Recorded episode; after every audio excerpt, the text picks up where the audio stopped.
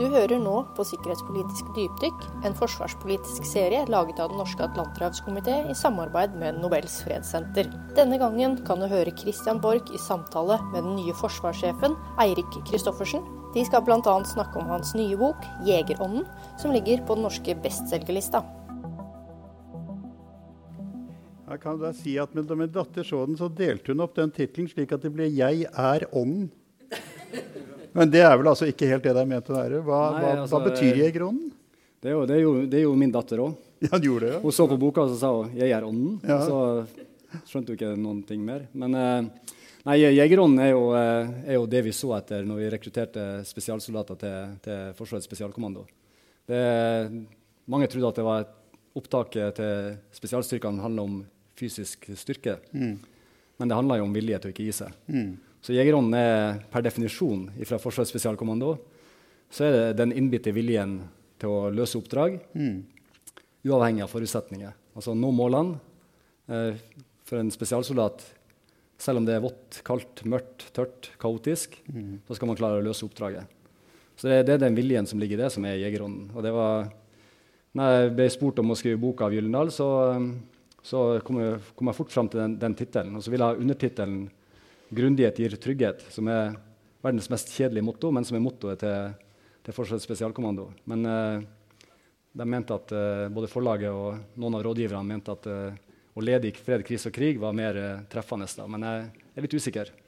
Så eh, 'Grundighet gir trygghet' var egentlig undertittelen. Ja. Men du er jo altså den, den, første forsvarssjefen som kommer med erfaring fra akkurat denne tjenesten. Og det er jo klart Eh, for de av oss som har lest boken, at den fordrer jo at man snur litt på hodet her og der. Altså, en ting som jeg har merket meg, er jo at du sier at lojalitet er viktigere enn lydighet. Og altså sånn ut fra en tradisjonell, konvensjonell oppfatning om de hierarkiske kommandostrukturene, så er jo det en interessant tanke i seg selv. Kan du utdype det? Si hva du mener med det? Tanken slo meg første gang jeg var på et foredrag eh, i Olympiatoppen i Operaen i Oslo. Jeg tror det var i 2015. Da temaet var lojalitet og disiplin og noen sånne ord. Og da satt jeg i salen med en, eh, med en idretts, eh, altså en trener på høyt internasjonalt nivå og hans, eh, hans utøver. Da. Og de snakka om lojalitet på en måte som fikk meg til å tenke på at de snakker om lydighet. Og så tenkte jeg tilbake igjen på militærhistorien. Og alle eksemplene på hvor galt det kan gå når, når vi har lydige soldater. Eh, jeg har bestandig lurt på hvorfor tyske soldater fortsatte å slåss etter 44. Mm. Men de gjorde jo det. Og mye av det de gjorde, var jo, var jo blind lydighet. Og hvor galt det kan gå hvis, hvis vi ikke er lojale mot verdiene våre og lojale mot det som er rett. Så, derfor har jeg oppfordra alle soldatene i Forsvaret til å være lojale, men ikke lydige. Jeg har mm. sagt at jeg vil ha ulydige soldater mm. hvis det kan bidra til bedre sikkerhet, og til at vi ikke går på tvers av verdiene våre. Da. Du refererer til en konkret situasjon fra Afghanistan, hvor du altså møtes av en brigader i ISAF-styrken som uh, ikke tar dine motforestillinger til, uh, med seg i betraktningen når han kommanderer dere inn i en situasjon som du åpenbart ser at ikke er riktig. Han står der bredbent og bare lett sarkastisk sier at 'jeg har gitt en ordre', og du var på det tidspunkt bare major, så du lå to eller tre hakk under fyren. Men er dette, et, er dette et problem? Altså Er det slik at denne hierarkalske eller hierarkiske kommandostrukturen sitter som en sånn jeg håper å si, genetisk nedarvet uh, refleks i systemene? I utgangspunktet så gjør det ikke det i Forsvaret. Vi, uh, vi har uh, intensjonsbasert ledelse. Så vi skal ikke fortelle folk nøyaktig hva de skal gjøre. Vi skal fortelle dem hvorfor de skal gjøre det de skal gjøre. Og så skal folk finne løsninger sjøl. Men eh, jeg tror alle vi som jobber i organisasjoner som er hierarkiske, både i Forsvaret og helt sikkert i næringslivet og i, og i politikken og andre steder har opplevd hersketeknikker. Mm. Så det, og det er det han brigaderen brukte på meg. Mm. Eh, han brukte alt som jeg kjente til av hersketeknikker. Han var senior i rang. Han eh, utfordra oss på om vi torde å gjøre det om vi ikke hadde kapasiteten, hvorfor ikke vi kunne gjøre det andre gjorde. Eh, alle de klassiske tingene, uten å lytte til hvorfor jeg mente at det var galt å gjøre det han ville beordre oss til. Så, eh, så, det var mer en, eh, ja, en, negativ lærdom, egentlig. Erfaring på, eh, på dårlig lederskap i den situasjonen. Mm. Så var han en, samtidig en veldig flink eh, kar, som jeg hadde gjort masse operasjoner med senere òg. der han ikke viste den samme, samme sida. Så han skal lese boken din, Må han lese den i oversettelse, eller kan han lese den på norsk? Denne han kan ikke det. Dessverre så er han død. Og han er død, ja. Han okay. uh, fikk kreft og døde noen år senere. Ja. Uh, så han kan ikke lese den, uh, dessverre. Men, Men ville han kunnet lese den på norsk? for å si det på den måten? Dette er altså et lurespørsmål. Nei, nei han, kunne, han, han, var, ikke, han var, ikke, nordmann. Nei. nei, det, nei, nei. det har du helt rett i. Men jeg tror ikke han kunne norsk heller. Han har vært mye i Norge da. men... Mm. Men du sier at, at, det å ha mot til å si nei er en del av en sunn kultur. Det betyr jo altså da at du, du, oppfordrer til en grad av selvstendighet på de lavere nivåene når en sånn hersketeknikk blir brukt. Jeg, jeg mener at det er helt vesentlig. Og det, eh, Forsvarets kjerneverdier er respekt, ansvar og mot. Og når vi snakker om mot, så snakker veldig ofte så har vi snakka om motet til å gå i kamp. Og jeg husker veldig godt første gang vi dro til Afghanistan. der mange mente at norske soldater var ikke forberedt på å ta liv. Jeg var aldri bekymra for det. Mm. Eh, norske soldater er modige, eh, og de tar liv hvis det er nødvendig. Det er jeg mm. overbevist om. For meg så handler det mer om motet ifra og si nei og finne frem til de beste løsningene. Og det var det jeg prøvde på i møte med brigaderen. Mm. Det var jo nettopp å komme frem til en bedre løsning for den operasjonen han planla, enn det som, eh, som han ville ha meg, beordre meg til å gjøre. da. Så, eh, så motet til å si nei er er noe vi må ta med oss i alle situasjoner i hele livet. Uh, vi må tørre å stå opp mot det som er opplagte feil. Um, og så er det en sikkerhet for meg òg. At jeg vet at jeg har soldater som, som ikke gjør dumme ting. Mm. Når, og sier at de bare, vi fulgte bare ordre. Mm. For det, da skyver du ansvaret over på noen andre. Men det er også noe du får inntrykk av i denne boken. At du har jo en, har jo en uh, relativt sterk grad av kritisk selvanalyse øh, drevet frem hos spesialsoldatene. Altså det er jo en ting er at Du skal ha fysisk mot, du skal ha styrke, du skal kunne bruke skytevåpen, du skal kunne rykke frem. Og, så og gjøre alle de soldattingene. Men på den annen side skal du også ha en ganske god innsikt i psykologi, for den saks skyld sosialantropologi, for du skal møte de omgivelsene du opererer i etc. etc. Så bredden i måten å forberede seg på er spesiell, vil jeg tro. Ja, jeg, tenker at den er spesiell for alle sånne yrker som, eh, som ligner på Forsvaret. Politi, brann, eh, sykehus, eh, redning, lege. Vi må eh, forberede oss på, på de verste situasjonene, og så må vi håpe på det beste. Uh, og da, I spesialstyrkene så var det jo hvis ting, ting går jo sjelden som planlagt. da. Mm. Så, så er det noe som vi har lært i, fra historien når det gjelder krigføring, så er det jo at, at det som Klausowitz snakka om i sine teorier, om at alt i krig er enkelt, men de enkleste ting blir vanskelig, mm. det stemmer. da. Mm. Så i prinsippet så er det vi skal gjøre, er ganske Ganske enkelt. Men så eh, pga. at du har en, en fiende som vil, har sin egen vilje, mm. og pga. at uh, vær, føre, lys, teknologi har en tendens til å være annerledes enn det vi tror, og kanskje teknologien spesielt svikter når det kreves, så blir du ofte veldig alene når du er ute på oppdrag. Mm. Og, jeg opplevde jo det veldig godt under operasjonen Anakonda i Afghanistan i 2002. Der vi var en liten patrulje på fem stykk som lå oppe i fjellsida i et av de største slagene som var i Afghanistan. Og, og der vi plutselig mista eh, sambandet til omverdenen. Mm. Eh, Pga. at eh, den kryptoen vi hadde, ble, var blitt kompromittert, og de bytta krypto uten at vi klarte å få, få det med oss. Da satt vi helt alene og, og jobba i timevis og faktisk eh, noen døgn før vi klarte å få, få samband tilbake igjen til hovedkvarteret. Mm. Og da følte jeg deg ganske ensom og forlatt mm. på ei fjellhylle i et ganske usikkert område. Mm. Dere hadde jo samarbeidet med en del andre lands spesialstyrker også, som hadde utviklet spesialstyrken over en lengre periode enn vi hadde. på en måte, at den, den, den norske styrken er jo kommet til etter hvert.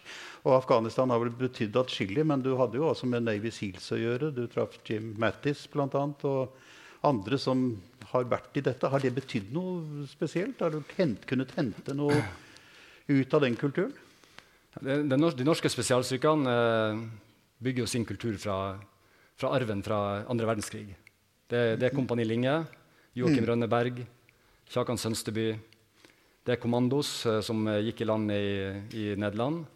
Og det er det norske fallskjermkompaniet. Det er de engelske spesialstyrkene som vi, uh, som vi har arven vår fra. Og det var mm. de som, som, vi har stått nærmest i alle år. Mm. Og så har jeg selvfølgelig lært masse av alle de folkene jeg jobba med gjennom hele livet. Mm. Og, og hvis jeg skal trekke frem én ting som jeg har lært veldig mye av, så er det, så er det amerikanske generaler. Mm. Uh, Jim Mattis nevnte du. Uh, admiral McRaven, uh, general Petreus. En rekke sånne amerikanske mm. generaler som, som forsto hva det dreide seg om. Uh, og så ble det ikke helt som de hadde tenkt på bakken da, i Afghanistan. Um, jeg husker spesielt et møte med, med, en som heter Higgins, som var sjefen vår i 2005. En amerikansk brigader. Han, uh, han pekte meg i brystet før jeg skulle reise ut, og så sa han Husk på én ting, Eirik. Hvis du dreper 20, så kommer det 100 nye. Det handler om noe annet. Mm. Uh, det handler om, om å skape et inntrykk av et trygt miljø, sånn at folk kunne stemme den gangen. Mm. Og, og det lå jo veldig mye fornuft i det han sa. Og, og, strategien var jo egentlig også det at man skulle på en måte vinne hearts and minds, som de kalte det. Mm. Men vi lyktes jo ikke med det. Uh, vi, vi, ble dratt inn i trefninger, lokale trefninger i Afghanistan som, som nettopp gjorde det som man sa i 2005, mm. at det avla flere opprørere. Mm, mm. Og det er jo en, en, en, strategi som på toppen var var godt uttalt, men som slo helt feil ut når vi begynte å operere i, i, på landsbygda. Der kommer altså dette med, med forutsigbarheten igjen. Jeg mener å huske at du i din tale ved selve overleveringen, hvor du overtok som, som forsvarssjef, sa at historien har lært oss at vi kommer til å bli overrasket. Altså Ikke som et hypotetisk greie, men at det kommer til å skje. Og at beredskap i praksis er å sikre at overgangen fra dypeste fred til konflikt er så friksjonsfri som mulig. Um, kan du presisere dette litt nærmere? Det kan det være, det kan, altså, For en utenforstående kan det virke litt ambiguous, på en måte, litt vanskelig å ja. kanskje. Jeg, jeg, jeg, tenker at vi blir overraska. Vi ble overraska 9.4.1940. Mm Vi ble overraska i min tid, når, eh, når, muren falt. Vi ble overraska over borgerkrigen i Jugoslavia. Vi ble overraska over 9-11. Mm. Eh, når jeg var i spesialstyrkene, så jeg skulle til Nordsjøen og dykke. Jeg skulle ikke til Afghanistan og gå i fjellene. Mm. Um, og vi ble overraska 22.07. Mm. Og alle de tingene her har jo lært oss at vi må uh, være forberedt uh, så godt vi kan, og uh, sikre oss at ressurser møtes når det kreves. Mm. Og det er kanskje det beste som, som står i, i Gjørv-kommisjonen. Det er jo akkurat det her med at vi skal etter 22. Juli, at vi mm. skal sikre oss at ressurser møtes. Da. Mm. Og da må vi organisere oss på en måte som gjør at vi ikke har for mange trinn vi skal gjennom.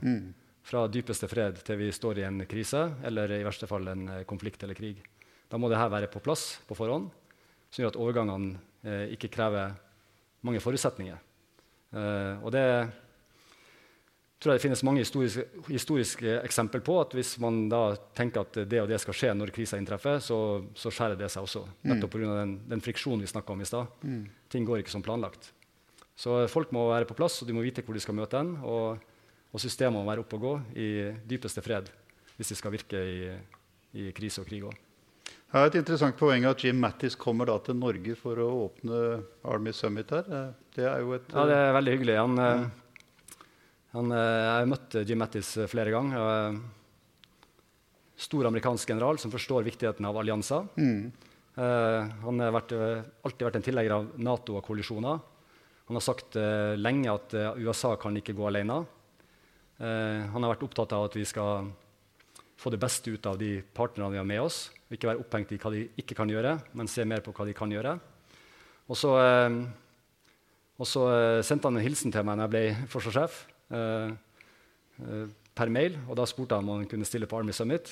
Han lurte på hva han kunne gjøre for meg. Og Da spurte han det, og det, det gjorde han. Så han stiller på Army Summit. Det er, det er, kanskje litt råttent å spørre om. Du har sittet en måned i jobben og antagelig er overveldet av en del sånne rutiner som knytter seg opp mot begrepet forsvarssjef. Men hva er det første du rent konkret vil gripe fatt i? Ja, det, er jo, det, er jo, det jeg snakka om i stad. Altså det, og det har jeg starta med allerede. Jo, eh, hvis du ser stort på, på eh, forsvaret av Norge, så er vi jo helt avhengig av Nato. Mm. Og Nato har et prosjekt nå som, eh, som de kaller for Deterrence and Defense in the Euro-Atlantic Area. Og for å få til det, som er forkorta DDA, så har de snakka om DDA alignment. Det betyr at Nato skal, skal, sette seg opp på en måte som gjør at eh, hovedkvarterene, eh, nasjonene, eh, er mest mulig likt organisert i fredstid, mm. som vil være i overgangen til en konflikt. Nettopp for å få ned reaksjonstida og sikre at vi gjør de rette tingene. Mm. Og så har vi i Norge utvikla et eh, planverk som samspiller veldig mye med Nato. Så, så, det viktigste jeg skal gjøre som forsvarssjef, det er å fortsette med det jeg snakka om i stad. Mm. Organisere oss mest mulig likt i, eh, i, fred, krise og krig. Mm. Og det er mye jeg kan gjøre som forsvarssjef. Innenfor mitt eh, handlingsrom, og så er det mm. noen ting som er politiske eh, bestemmelser. Så, så, finne det handlingsrommet mellom hva som forsvarssjef kan gjøre, og hva som må til Stortinget, det, det, det, er viktig for meg. Og Der er dialogen med, med statsråden eh, helt uh, essensiell. Ja, ja. Men altså det samspillet du nevner med Nato nå, er altså et, et, en av de tingene som da vil besvare mitt spørsmål om hvordan du vil greie å disponere innenfor de rammene du har fått. For dette er altså da en prioritering som gjør at du kan få til det maksimale ut av et rammeverk som ligger ja, det er jo, det er jo låst min. fast på et lavere nivå enn man kunne ønske. på en måte. Ja. Det, er jo en, det er jo en, på mange måter en veldig alvorlig jobb å være forsvarssjef. Samtidig en ganske enkel jobb. Uh, ja vel. Det alvorlige er at vi skal jo hindre Derfor er det veldig bra at vi er i Nobels fredssenter. Vi skal jo bevare freden. Fred, frihet og demokrati. Det er på en måte jobben min å sørge for at, uh, for at Norge, som en del av, uh, av alle i Norge, fortsatt har fred, frihet og demokrati. Og at vi fortsatt har fred og ikke blir overraska igjen. Uh, så det er jo, det er en, en, en, stor oppgave i seg sjøl. Mm. Og så er det enkelt på den måten at, at, at jeg gjør egentlig tre ting. Jeg leder Forsvaret, som er den enkleste oppgaven. Bare vi klarer å ha kontroll på økonomien. Så, så det, for jeg har så mye dyktige folk i Forsvaret. Så mange dyktige sjefer, så mye flinke generaler, admiraler og soldater rundt meg som, eh, som gjør jobben eh, basert på, på, egentlig ganske enkle intensjoner fra meg. Så, så, ser jeg at det skjer ting takket være folkene. Mm. Eh, så det, det, er den ene delen av jobben. Den andre jobben er jo å være rådgiver for, uh, for uh, storting og regjering, mm. og spesielt for forsvarsministeren. Og gi de rette fagmilitære rådene. Mm. Og det må jeg fortsette å gjøre. Og det er kanskje den vanskeligste jobben. For der mm. må du, må du av de tre tingene. For der må jeg jo balansere mellom hva som jeg kan få til innenfor de ressursene jeg får tildelt, mm. og hva som absolutt må jobbes videre med for å få enten flere ressurser eller nye plattformer eller gjøre ting på en annen måte. Mm. Og så er den siste delen av jobben, som er den hyggeligste delen av jobben, det er å og ha nært kontakt med, mine, med våre allierte eh, venner og, eh, og, andre nære venner av oss, eh, som typisk er forsvarssjefene i Nato og de nordiske forsvarssjefene eh, helt konkret, som jeg må ha et godt forhold til. Da. Men Hvilke krav vil den omstillings prosessen som du nevner er i gang i Nato med, med dette å strømlinjeforme det hele. Hvilke krav det stille til de norske styrkene? Altså det er jo, Kritiske røster sier jo at vi har et forsvar som er liksom, ja, hva skal du si, øremerket for forrige krig, på en måte, og liksom litt sånn mini, minimumsmessig. Det, det, altså, ja, det, det, ligger en del utfordringer her. Spørsmålstegn? Ja. ja. Det ligger mange utfordringer, Kristian. Ja. Det gjør det. Eh, nei, Norge er, er sånn lokalisert eh, geopolitisk at vi kommer alltid til å være interessant. Vi kommer alltid til å være en, eh, en nasjon som eh, ligger i flanken til Nato. Vi er nabo til, til Russland i øst, eh, som alltid vil være en faktor eh, opp mot europeisk sikkerhet. Og Derfor har vi på mange måter en, sånn sett en, en, en litt takknemlig jobb. For det er lett å relatere vår geostrategiske beliggenhet med hvor vi også er mest utsatt. Så, så, Derfor er det viktig for meg at, eh, at eh, det som er, er, de områdene i Norge som er, som er mest utsatt mm. og strategisk viktig, altså, da snakker vi om nordområdene, eh, Arktis, at vi har et eh, godt eh, og, og, solid forsvar der. Har, og, og, det er viktig for meg også at, eh, at vi fyller et vakuum med norske soldater, norske skip og norske fly på grensen til naboen vår i øst. Mm. Mm. Så tradisjonelt så har vi et, et, eh, et avbalansert forhold, forhold, til Russland. Eh, vi har jo aldri vært i krig med Russland. Tvert imot så har de frigjort oss ja, ja. i 44. Mm. Eh, men det, derfor, derfor, må vi ha et sterkt forsvar som er til stede i nord. Hvis ikke vi er til stede der og gjør jobben med å ta vare på flanken til Nato, så vil andre komme inn og gjøre det, mm. med de eh, farene for misforståelse som da kan mm. oppstå. Mm. Så, eh, samtidig så ønsker vi selvfølgelig at Nato skal ha et fokus på nord. Og det har de jo absolutt fått med mm. opprettelsen av en ny kommando i, i Virginia, Joint Forces Command Norfolk, som har et ansvar for, uh, for sjølinjen over Atlanteren, og, og, spesielt opp mot uh, Norge. Så, så, vi har lykkes også med å få allierte med oss, men, men uten at de har har vært der alene. Vi har vært der sammen med norske soldater. Norske skip, norske fly. Franske presidenter har gjort det til en vane at det første de gjør etter innvielsesseremonien i Élysée-palasset, er å reise til Berlin. Det er altså en måte liksom, å flagge utenrikspolitiske prioriteter på. Det første du gjorde, var å reise til Andøya. Er det et signal her? Ja, nei, ja det, er det, det, er et signal, men det er også Ja, det er et signal. Det er det. Uh, P3 Orion skal erstattes av P8 Poseidon. Mm. Så jeg reiste både til Andøya og Evenes. Uh, vi er helt avhengig av i overgangen til P8 Poseidon, det nye maritime overvåkningsflyet vårt, at P3 Orion leverer. Mm. Samtidig så står Andøya i, og de ansatte der i en tøff omstilling. Ja. Eh, flystasjonen skal legges ned. Mm. Eh, den skal reetableres, etableres på Evenes. og vi skal fly både F-35 og P8 fra Evenes.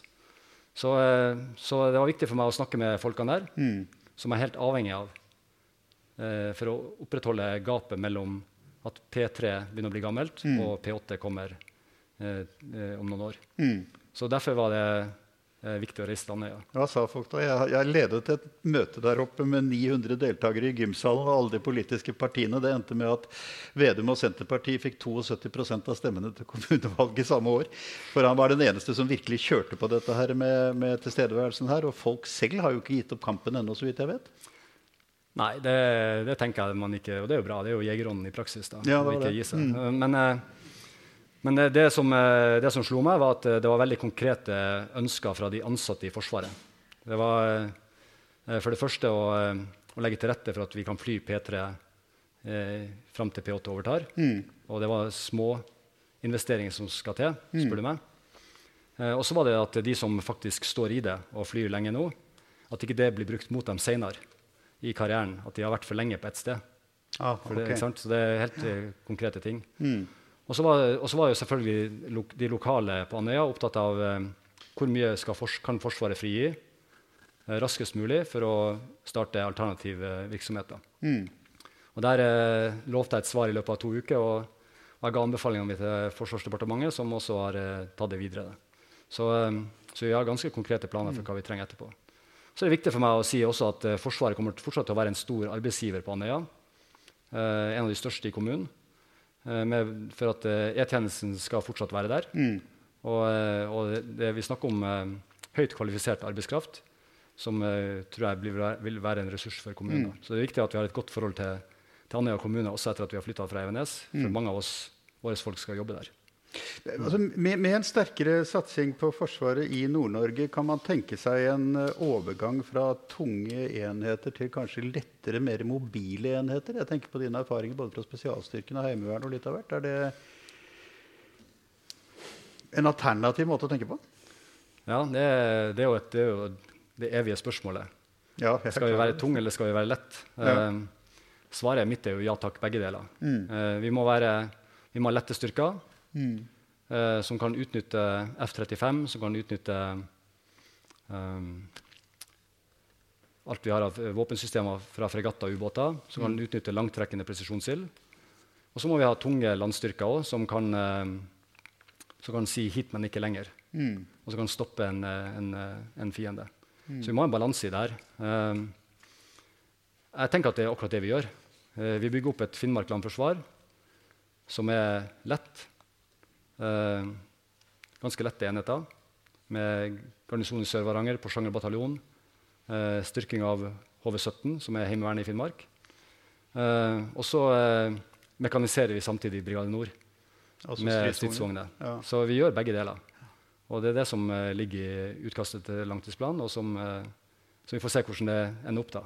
Det pågår jo en, en frisk og fyrig debatt om dette med stridsvogner. Altså det finnes jo folk med, med, med, bakgrunn fra forsvarsledelsen for å si det sånn, som mener at vi ikke bør satse for mye på stridsvogner, fordi de lett kan tas ut av moderne missiler, og at det ville derved være kanskje fornuftigere å satse på moderne ja, missilvåpen i, som en, alternativ, en alternativ måte å tenke på. Ja, jeg har, sett det, jeg har fulgt med i debatten. Det er ikke noe tvil om det. Det er jo en tidligere forsvarssjef som jeg har stor stor respekt for. Ja, ja. Sverre Disen har jo vært veldig tydelig på det her. Veldig tydelig, ja. Han var jo min taktiske hovedlærer på krigsskolen. Og vi var så glad i Sverre Disen at vi til og med hengte opp et bilde av ham i klasserommet husker jeg, på, på krigsskolen. Så han er, han, er, han er, en person som jeg har sett opp til lenge, og som har, som også har gitt ut ei bok, da, forresten, som, som en av forsvarssjefene som har gjort det. Nei, jeg, jeg mener at det ikke er en feil, investering. Mm. Spesielt i kombinasjon med, med, lette styrker. Så det ene utelukker ikke det andre. Og, uh, og hvis du ser på NATO sine krav til Norge, så er prioritet én fra NATO sitt, sine krav det at vi skal ha en mekanisert brigade i Norge. Okay. Og, uh, og det er mange grunner til det. En av grunnene er at det å operere i nordområdene, i de, i de klimatiske forholdene og det terrenget som er der, det krever ganske spisskompetanse mm. på hver, værføreforhold. Og der er norske soldater flinke. Og det er veldig få andre som kan operere tungt utstyr i et sånt klima, annet enn nordmenn. Mm. Så, eh, og det ser vi jo også på, på, måten vi opererer både helikopter, fly um, Fartøyene våre på. Vi har, en, vi har, en, unik kunnskap om det å operere i, i arktiske mm. områder som ikke mm. veldig mange har. Uh, så det som er ganske opplagt for oss, er veldig veldig utfordrende for veldig, veldig mange andre. Mm. Så det er, det er en, eh, jeg har vært i, og trent både i jungel og operert i ørken og, og, trent under norsk vinter. Og jeg husker For mange år siden så var det en, eh, en engelsk offiser som sa at uh, hvis du gjør alt feil i jungelen, så kan du allikevel overleve i dager, kanskje uker. Mm. Hvis du gjør alt feil i ørken, så kan du overleve i tre-fire dager til du er tom for vann, og så går det ganske dårlig da. Hvis du gjør alt feil i Norge under vinterforhold, så dør du i løpet av tre timer. Ja, så, eh, så, det er noe med å operere i de, de klimatiske forholdene der som, ja. som, jeg tror er ganske eh, Der vi har ganske bra kompetanse. Og, det, og, skal vi ha tunge styrker, så bør vi ha dem sjøl. Mm. Når, når, vi snakker om vekt og tung og lett Det finnes dem som mener at toppledelsen i Forsvaret er at den er for topptung. Eh, jeg tror til og med general Robert Mood gikk så langsomt til å si at det var temmelig nøyaktig ja, i hvert fall, ja, mer enn dobbelt så mange generaler, admiraler og oberster som det egentlig var bruk for. Hva er din opplevelse av organisasjonen? Det er, tvil, nei, det, er, det er ikke tvil om at vi uh, har bevart mange av strukturene fra den gangen vi hadde mye større forsvar enn det vi, enn det vi uh, burde hatt. Så ikke, jeg er ikke i tvil om at vi må se på hele strukturen og hvordan kan vi strømlinjeforme den enda mer? Mm. Det, det, er ikke bare for, at, eh, for alle de her generalene og, og brigaderene og oberstene som vi snakker om, og, og admiralene og flaggkommandørene, de gjør jo en kjempejobb. Uh, og alle syns at jobben de gjør, er kjempeviktig. Mm. Men det er klart at i, i, et forsvar der vi er nødt til å prioritere knallhardt, så, vi, så må vi se på hele strukturen da, på nytt igjen. Og, og, vi har gjort en god runde nå med innføring av, eh, av spesialistbefalskorpset, altså ja. sersjantsøyla. Mm. Der vi har uh, opplagt uh, eh, laga en mer uh, pyramideform organisasjon. Men så er det sånn at uh, det er fortsatt strukturer som henger igjen, som vi må se på på nytt. Og det, mm. det kommer jeg til å gjøre. vi hadde et stort prosjekt nå som vi har kalt for Kompetanse-, karriere- og talentprosjektet, som egentlig er en omorganisering av gradsstrukturen i Forsvaret. Og den, den er jo ikke ferdig, da. Så vi, vi ser på det hele tida.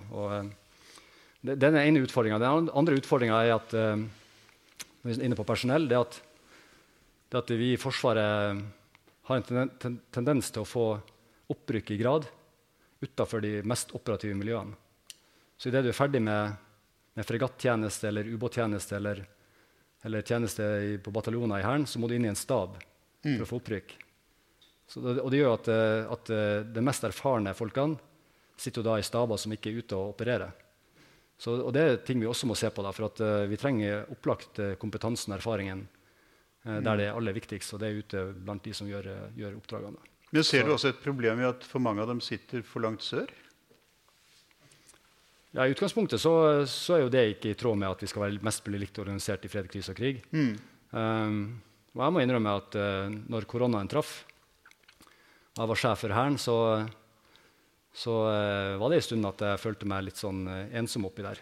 Uh, jeg satt i karantene og, og, var på videokonferanse med alle andre sjefene i Forsvaret. og Det var nå stort sett bare jeg som var i nord, og så var sjef Kystvakta Oliver var selvfølgelig på Sortland. Men, men, ellers så var det tynt med, med toppledelse i nord. Mm. Forsvarets operative hovedkvarter i Bodø har jo selvfølgelig sine folk på plass. Men blant vi som skal løse oppdragene, så var mm. det så var det stort sett eh, sjef Hæren og sjef Kystvakta som var, som var nord for polarsirkelen. Vil, du gjøre noe med dette mønsteret? Altså hele plasseringen av kommandostrukturen?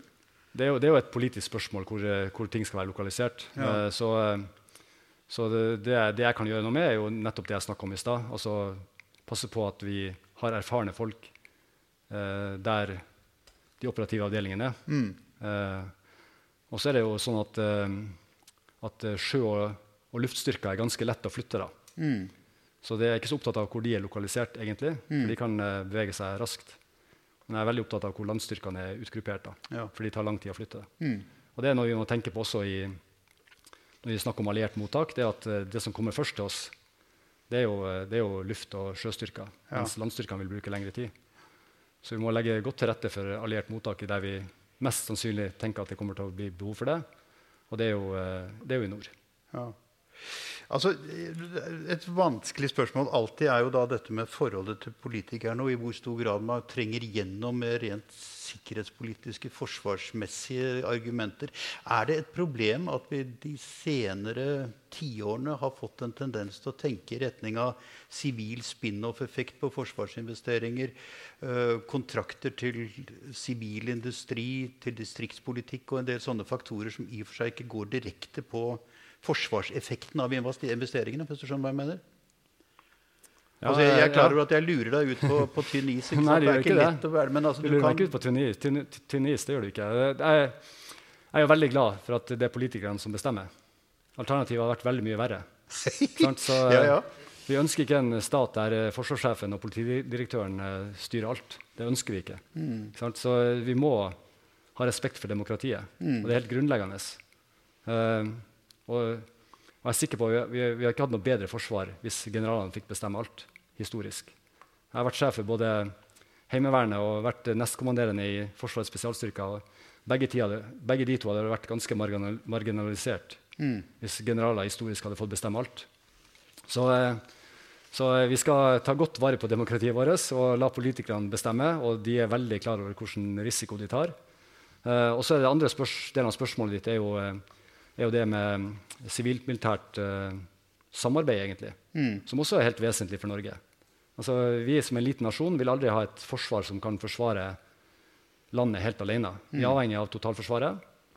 Vi er avhengig av, uh, av å utnytte statens og nasjonens samla ressurser. Og vi er helt avhengig av også å ha både strategiske avtaler med, med partnere mm. som uh, som sørger for matvaresikkerhet, medisinsikkerhet, eh, sørger for eh, logistikk. Som vi så under, eh, under andre verdenskrig òg, altså Nortraship sin rolle, hvor vesentlig den var. Mm. Som var altså, krigsseilerne våre for en fantastisk jobb de gjorde. Eh, så vi er helt avhengig av det. Og vi må ikke tro at det er Forsvaret alene som forsvarer Norge, det er hele nasjonen. da. Mm. Eh, og da, eh, da, vil veldig mye av sånn sivilmilitært samarbeid i Norge være veldig gunstig for også Norges sin sikkerhet. Um, og det tenker jeg at vi har til tider dippa for langt ned på. Uh, Istedenfor å Altså beredskapsmessig. Mm. Så jeg vil jo ha enda mer av det. Uh, hvis det var det du spurte om, egentlig. Ja, egentlig. Altså, jeg er litt, egentlig, for å være helt ærlig, litt usikker på hva det er jeg egentlig spør om. For altså, Det vi hører i debatten, er jo ikke sant, at politikerne er jo positive som bare rakkeren og ber forsvarssjefen om å komme med en innstilling og en anbefaling, så takker de høflig for den, og så blåser de en lang marsj og bevilger langt mindre enn det han setter som et absolutt minimum. Og det, og det er jo da lett ikke sant, få det inntrykket i debatten at her er det altså simpelthen en argumentasjon som ikke har nådd tilstrekkelig frem. Og da kommer du altså inn på dette med kommunikasjonen, med det å kunne øve en form for meningspress. ikke sant? Altså virkelig, ja, og da, ikke sant, du, du beveger deg inn i et litt sånn Nei, det som er, det som er altså, Vi etterlyser jo ofte en større debatt rundt Forsvaret. Mm. Vi bruker 60 milliarder kroner i året på det. Um, hvor, er, hvor, er, debatten rundt bruken av de pengene? Ja, det det. Den, er jo, den, er jo, til stede her i kveld. opplagt. Men, ja, ja. Eh, men eh, skulle vi hatt en større debatt rundt det? Jeg, jeg tenker at det er også et sunnhetstegn. Befolkninga føler seg ganske trygg i Norge. Mm. Det må vi ta vare på. Vi må ikke skape frykt, unødig frykt, eh, samtidig som vi ikke må være naiv. Så, eh, så min, eh, jobb som, en av jobb, mine, jobb, mine, roller som forsvarssjef er å gi de her eh, fagmilitære rådene. Mm. Jeg kommer jo alltid til å be om mer enn jeg får. Mm. Altså hvis jeg ikke, så gjør jeg jo på en måte ikke jobben min. Mm. Men jeg må jo også være realistisk. da. Og, eh, og, det finnes jo mange historiske eksempler på det. Hva er forsvarssjefen sin jobb egentlig? Eh, og det er jo selvfølgelig å, å, gi så velfunderte, gode råd som jeg kan. Eh, med, en, med, en, med, en, realisme i det. Mm. Og så er det å forholde meg til beslut, politiske beslutninger. Så eh, det er jo ingen som ønsker en forsvarssjef som, som uh, står opp og sier at jeg trenger alt det her, og hvis ikke så går jeg. Og så går han. Altså, det bidrar jo til ingenting. For, han, for, du må jo balansere det her. Ja. Jeg syns jo, uh, jo den boka om Otto Ruge fra 1940 beskriver veldig godt hvordan han uh, måtte balansere hele tida mm. mellom å være rådgiver for politikerne og, og lede striden i, i Norge. da. Og, og, hvordan han hele tida må ta hensyn til å gi så gode råd som mulig, men allikevel så er det, så det regjeringa til slutt som, eh, som bestemmer. da. Ja, regjeringen bestemte jo litt rart i den siste delen av 30-årene. Ja, si det, sånn. det gikk ja. ikke, ja. Nei, sånn er det i et demokrati. Det, man kan ikke være enig i, i alt som blir bestemt. Men spørsmålet er jo også om forlatelse. Dette er omtrent som presten i begravelsen som har glemt å slå av telefonen. Det har jeg opplevd en gang. Men altså det, som, det, som, er spørsmålet mitt, på en måte, det er om du, hvis vi trekker denne debatten opp i et litt større perspektiv, om du anser debatten om forsvars- og sikkerhetspolitikken for å være divers, tilstrekkelig diversifisert i samfunnet. Altså Er oppmerksomheten rundt disse spørsmålene, er folks interesse for det, engasjement, kunnskaper osv. tilstrekkelig stimulert gjennom en åpen debatt? Eller er vi for å si det litt mer retorisk, preget av dette typiske norske konsensusprinsippet om at forsvars- og sikkerhets- og utenrikspolitikken den er ikke noe debatt om, egentlig?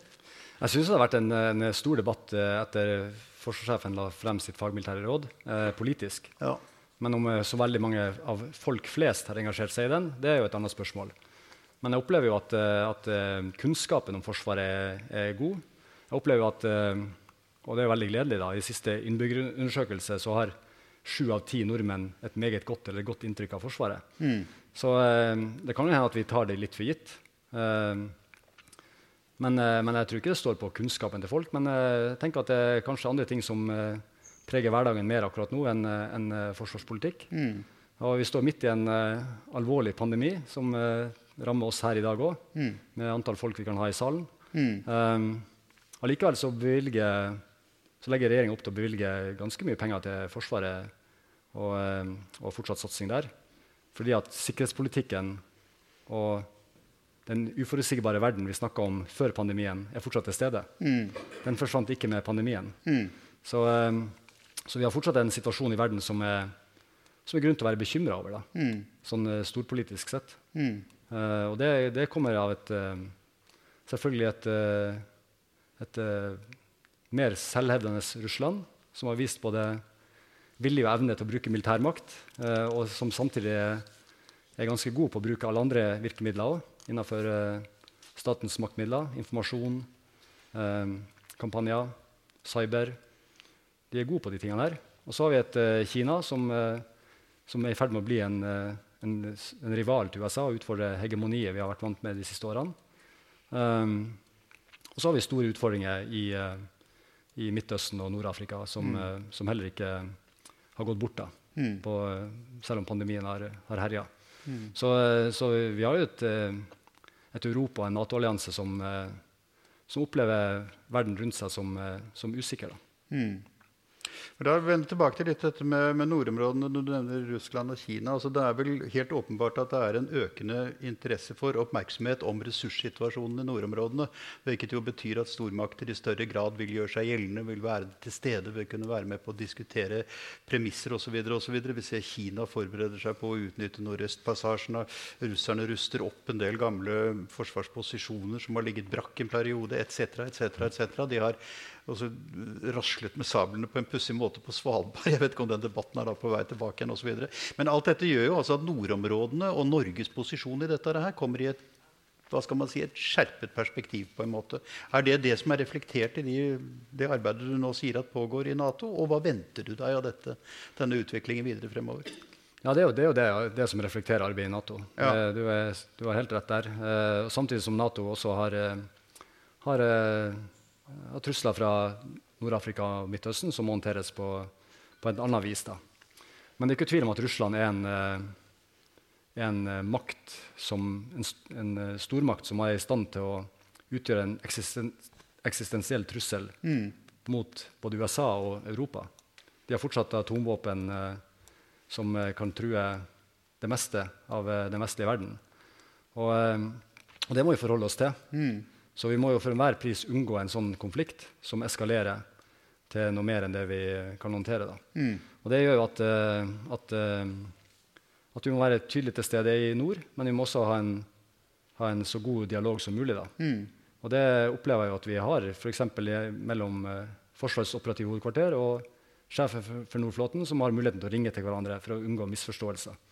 Hvis det skulle være noe som, eh, som, eh, som skjer da. Så, så bekymringa er jo at det skal være en, en misforståelse eller en, en uh, hendelse som gjør at man utløser en konflikt som vi ikke klarer å håndtere. da. Altså, Sjefen for Forsvarets operative hovedkvarter avslo å delta i en uh, konvoi med britisk-amerikanske krigsskip gjennom Barentshavet nylig med den begrunnelse at han ikke ville øke spenningsnivået. Uh, kjenner du til den historien? Nå vet jeg ikke nøyaktig hvilken historie du refererer til, men, men, det som er opplagt for meg, er at, uh, at når de allierte kommer til Norge, mm. så skal vi i størst mulig grad øve sammen med dem. Mm. Det har vi alle, alle grunn til å gjøre. Mm. For det første for å kunne påvirke det som skjer. Mm. Sånn at vi kan, med vårt syn og vår ekspertise kan fortelle hva som er lurt og ikke lurt. Mm. Uh, for det andre så er det de, de allierte som, som, står sammen med oss, og som vi er helt avhengig av støtte fra hvis det mm. verste skulle skje.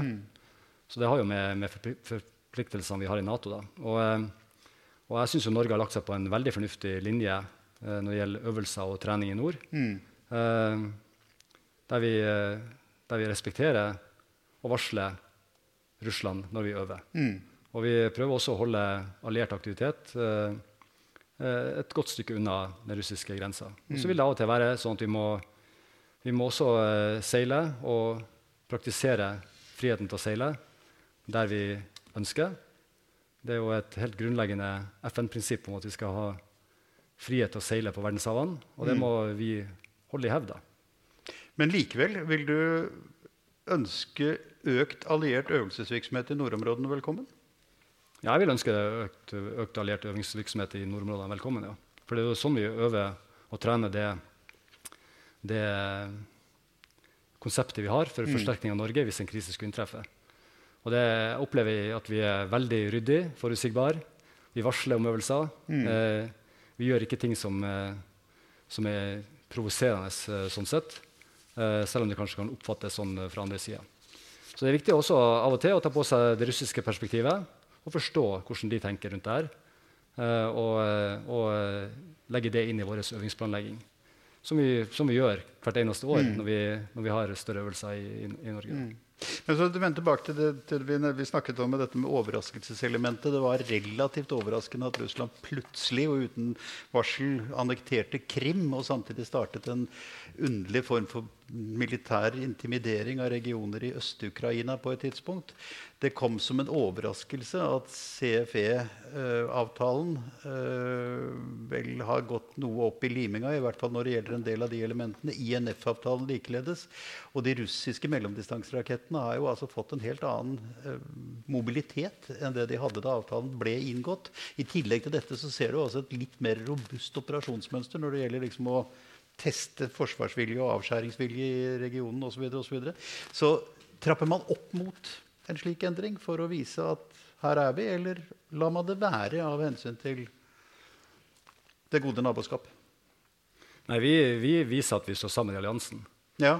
Det gjør vi. Så vi, eh, vi viser at, eh, at, eh, Nato er villig til å, til også å deployere til Norge, som vi mm. gjorde på Trine Juncture i 2018, der vi hadde 40 000 pluss mm. allierte i Norge. Og vi kommer til å gjøre det samme på øvelse Cold Response i 22, der vi kommer til å trene spesielt på, på luft- og sjøsida for, for, å holde eh, sjøveiene åpne inn til Norge. Da. Så mm. vi kommer til å fortsette å trene på, på å øve på det som er våre forsvarskonsepter. Og Nato er jo en forsvarsallianse som, eh, som skal forsvare alle sine medlemsland. Én for alle, alle for én. Mm.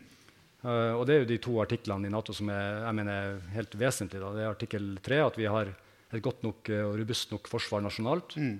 Eh, og så er det artikkel 5, om at det er én for alle, alle for én, mm. hvis det kreves. da. Mm. Så, så, det skal vi fortsette å gjøre. Vi skal fortsette å, å øve med allierte i Norge, uavhengig av, av hva situasjonen i Russland måtte være. Mm. Og så er, det sånn at, at, Russland gjør også det de sier de skal gjøre. De, de i nord. De har sitt konsept med å etablere en bastion for å forsvare sine atomvåpen og sine strategiske viktige mm. våpensystemer på Kola. Og da eh, øver de på det. Eh, og så har det vært i, helt siden andre verdenskrig, egentlig. Mm. At man øver på sine forsvarskonsepter. Mm. Og så ligger vi der, midt i, ja. midt i den veien mellom øst og vest. Ja. Men det er jo også noe med, med et atferdsmønster som avføder en reaksjon, en motreaksjon. fordi altså, Du sier ikke sant, at, at, Nato skal være der som en samlet uh, forsvarsallianse, men hovedpoenget er vel altså å være avskrekkende for å hindre ethvert uh, tilløp til et angrep. Altså Du skal kunne da vise at du kan svare på de provokasjonene som eventuelt gjør seg gjeldende. Og det betyr vel i noen tilfeller en opptrapping, når da den motparten begynner å oppføre seg litt mer frivolt, kanskje? Eller hvordan man skal uttrykke det? Ja, Nei, det, du, det har du helt rett i, og det er jo det som er alle sitt mareritt. Det er jo at en, eh, en sånn opptrapping skal eskalere til noe vi ikke kan kontrollere. Mm. Så, eh, så, eh, så at, det, at, det, da oppstår misforståelse, eller, eller som den greske historikeren Thucydides sa altså Krig oppstår pga. frykt, ære og interesser. Mm. Og vi må jo eh, passe på at ikke frykten tar overhånd, og at man eh, velger å slå til først uh, av en ubegrunna frykt. Så, så, det er hele tida en balanse i det her som, uh, som, jeg er overbevist om at vi håndterer godt. Og så vil det mm. selvfølgelig være retorikk rundt det som, som er annerledes enn en det som faktisk skjer på bakken. da. Altså, jeg sitter og tumler med et forsøk på å få klargjort en tanke oppi hodet mitt. her, Men altså, det du forklarer nå om måten Nato tenker på og måten Nato arbeider på, gir meg jo en følelse av at dere som kan faget, gjør det som må gjøres, uavhengig av de forskjellige politiske raritetene vi opplever, og som lager mye pussig larm. Også med sånne litt provoserende uttalelser hist og her. for å si det på den måten. Altså at det ligger en sånn, Hvordan skal man uttrykke dette? her? At det ligger altså en sånn effekt av det faglige i bunnen her som bærer oss over de uh, til dels opprivende situasjonene vi opplever når Uten at jeg, da, jeg, jeg vet ikke om jeg uttrykte meg veldig klønete nå? nei, nei jeg, jeg, tror, jeg, tror, jeg forstår hva du ja. mener. Eh, jeg kan forsikre om at det er veldig god politisk kontroll med det norske forsvaret og det vi gjør. Ja. Det, det, er veldig god kontroll. Eh, det var veldig god kontroll på det vi gjorde i Afghanistan. Ja. Det er veldig god kontroll med måten vi øver og trener på i Norge. Det er veldig god politisk kontroll med hvordan vi bygger opp Forsvaret. Og det er ikke bare politisk kontroll, men det er også kontrollutvalg som følger med på det E-tjenesten gjør. Ja. Så det, det, er en god kontroll av det, det norske forsvaret gjør. Og så er Nato ikke bare en militær allianse, men det, det, det, er en generalsekretær som leder den politiske delen av Nato. Mm. Og, som, eh, som, eh, og som er, så Nato er en betydelig politisk allianse òg. Mm. Eh, og, og der den politiske makta til Nato er selvfølgelig avhengig av at vi er en sterk militærmakt. Eh, så, så, det er jo god politisk kontroll med, med hva Nato gjør òg. Mm. Den sterkeste, sterkeste militærmakten i Nato er jo da USA. Ja, USA er den sterkeste militærmakten og, uh, i verden nå.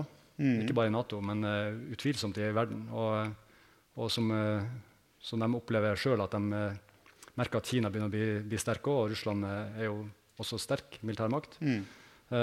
men samla sett så er det ingen som er i nærheten av Nato. Det er den sterkeste militæralliansen vi som kan frembringes. Mitt, mitt, poeng er at USA for tiden har en president som jo er relativt frisk i sin uttalelse om sikkerhetspolitiske spørsmål og det hele. Og det sender jo the shrills down the spine på enkelte som sitter her og tenker som så, hva skjer nå med vår allianse og vår holdbarhet osv. Men det virker jo som altså det planleggingsarbeidet da på en måte legger en bro under dette. En slags sikkerhetsnett under det, for å si det på den måten. Ja, Det er jo, det er den positive delen av det. Eh, hvis du hinter om at kanskje de militære har for mye makt til å drive frem ting, så, så er den, som du gjorde i stad. Men ja. så, er, så den positive delen er jo at, eh, er jo at det er sterke institusjoner. Ja. Både i USA og i Europa og i Nato og i EU. Det er sterke institusjoner som, eh, som gjør at uh, man holder en, uh, en, orden på ting. Og så opplever jeg at amerikanerne har vært veldig tydelig til stede både i, i Norge og i Nato, uavhengig av retorikk. Så har, de, så, har de, jo vist stor, stort ønske om både å øve og, og trene og også fortsette med forhåndslagringa fra US Marine Corps i Norge. Ja, forhåndslagringen, Men de trekker jo altså en stor del av personellet fra De har vært på rotasjonsbasert trening. Eh, med opptil 700 US Marines eh, som har vært til stede i Norge og bytta hvert halvår. Nå eh, går de over på et nytt konsept, da, der de eh, heller istedenfor å ha permanent tilstedeværelse, går tilbake igjen til US Marine Corps sine, sine røtter, da, som mm. er å være, til, være en, en, en, styrke som kan være til sjøs ja. og kan settes i land der det trengs. Så jeg opplever jo at US Marines ønsker å komme tungt tilbake til Norge når de skal øve i et større forband enn det vi hadde med 700 soldater på bakken. Mm. Så de, de, endrer måten de øver og trener på i Norge. De bevarer forhåndslagrene sine. Mm. De bytter ut en del materiell med gjennom til det nye konseptet sitt, som er litt lettere enn det, enn det, det var. De går bort fra stridsvogner over på mer langtrekkende presisjonsild, som er mm. det du starta med å spørre om. Uh, og så uh, kommer de tilbake til Norge og øver i henhold til planverkene våre. Mm. Og det er kanskje det som har vært best uh, mest, den største utviklingen vi har sett siden 2014 og Krim, mm.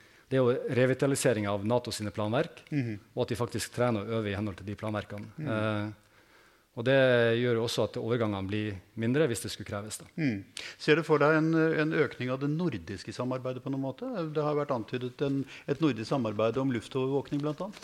Ja, det er opplagt. Mm. Altså, I går så var eh, statsråden eh, Eh, forsvarsminister Frank Bakke-Jensen var på garnisonen i Porsanger mm -hmm. og undertegna en samarbeidsavtale med, med, Finland og Sverige mm -hmm. som åpner opp for enda mer uh, samarbeid. Mm. Og det har vært et ønske lenge da, uh, om å ha et, og et, faktisk en realitet òg, -hmm. om å ha et tettere nordisk samarbeid. Og det var jo, Et konkret eksempel var jo den tida jeg var sjef for Heimevernet, så var det et veldig sterkt ønske om at vi skulle få et godt forhold til våre svenske kollegaer på andre sida av grensen. Mm. for å se på eh, grensekontroll og grensesamarbeid eh, på militær side også eh, i en tettere, en tettere dialog med, med svenske, våre svenske naboer. Og så kommer pandemien ja. to år etterpå, og så er relasjonene bygd. Mm. Så man har faktisk vært og snakka med både toll og, og, og svenske kollegaer på andre sida, som gjør at dette går ganske smertefritt. Da, vi, og vi brukte nesten det siste tallet jeg så, var nesten 15 000 soldatdøgn på grensekontroll i, okay. under pandemien nå, fra Heimevernet. Og det gikk uh, helt fint, mm. inkludert uh, det de gjorde på Gardermoen. Så Heimevernet gjorde, gjorde, en fantastisk jobb. Men på grensen, poenget mitt er at på grensen mot Sverige så, så var relasjonene bygd på forhånd. Uh, har du noe synspunkt på det som skjer i Europa? Altså jeg tenker på disse forskjellige forsøkene som da kommer med jevne mellomrom på å styrke den europeiske armen i, i Nato. Uh, den europeiske armen i Nato er jo det er bra at den blir styrka, så lenge det er i Nato. Ja, så lenge det er i Nato, jo, jo. Men altså, ja, ja, du, det er jo spørsmålet ikke sant, om det kan bli en alenegang, eller om det blir en, eh, en, eh, at de tilknytter, altså legger seg under den, den eksisterende sentrale ledelsen av det.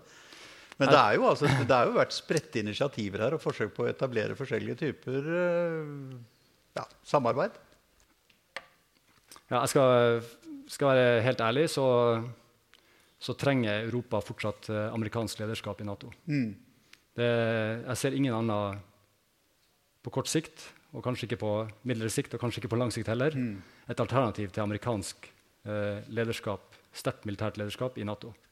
Det er veldig vanskelig for meg å se for meg at, eh, at en europeisk eh, forsvarsallianse skal komme i nærheten av det som Nato kan eh, stille opp med. Mm. Så, eh, så hvis et sterkt forsvar er den beste garantisten for fred, så, eh, så, tror jeg ikke at det finnes noe alternativ uh, i Europa heller for, uh, for Nato. Mm. Det, det, er ingenting som kan matche det som amerikanerne bringer til torgs når det kommer til militærmakt. Det er det ikke. Mm. Det er, altså da, det er, jo da et, et, et, spørsmål om å bevare en kunnskap om dette. Altså på en måte, vi, vi lever jo i en relativt turbulent politisk tid for å si det sånn, med veldig mange forskjellige faktorer som slår hverandre omtrent i hjel. Jeg kan godt tenke meg at folk flest som utgjør det vannet politikerfiskene svømmer i, for å sitere Salim Tse-tung, at de har altså nokså forvirrende oppfatninger om den sikkerhetspolitiske situasjonen. Det er, det er, viktig å få frem akkurat det du sier nå, kanskje? Ja, jeg, jeg mener at det er viktig. Altså, mm. Det er helt vesentlig for norsk sikkerhet. Altså, hvis vi hvis vi lærte noe under andre verdenskrig, så var det jo at det var fint med venner, mm. men uh, det var bedre med allierte. Mm. Så, uh, så, det er bedre å ha allierte enn å ha venner. Uh, mm. venner er litt mindre enn å være alliert. Mm. Så, så NATO, når Norge gikk inn i Nato i 49, så var jo det veldig klokt, basert på erfaringen fra andre verdenskrig. Mm. Og, så, og, så, gjorde vi en annen ting etter andre verdenskrig. Det var at vi etablerte et heimevern som skulle være desentralisert eh, spredd over hele landet, og som skulle eh, stå for den lokale beredskapen. Og nettopp være en ressurs hvis, når det uforutsette skjer. Mm. Og det, jeg vil eh, jo fortsatt hevde at det er viktig. da. Mm. Eh, det, den lokale beredskapen eh, for mindre hendelser er helt avgjørende. Mm. mm. Eh, hvis vi klarer å løse ting lokalt så, så raskest mulig, så, så, så, er det ikke sikkert at det blir en krise. da. Så det, det, det, arbeidet som er gjort med at uh, Heimevernet sitter i kommunale beredskapsråd, distriktssjefen i Heimevernet sitter i fylkesberedskapsråd, eh, er viktig for grunnberedskapen i, i, i Norge. da. Du, du, du, snakker om et begrep i denne boken som heter god stemning. Altså nødvendigheten av god stemning i, i avdelinger og selv avdelinger på vei inn i kritiske situasjoner. Kan du si noe mer om det? Ja, jeg er litt usikker på om uh, det ble så god stemning når jeg sa at vi skulle organisere oss likt i fred, krise og krig. For da begynte jo folk å tenke med en gang at oi, nå må vi begynne å flytte på oss. Ja. Men, uh, men det, sånn i, i lederskapssammenheng så er, så, er det, så er, god stemning en god indikator på om, på om vi gjør de rette tingene. misfornøyde folk har som oftest en grunn til å være misfornøyd.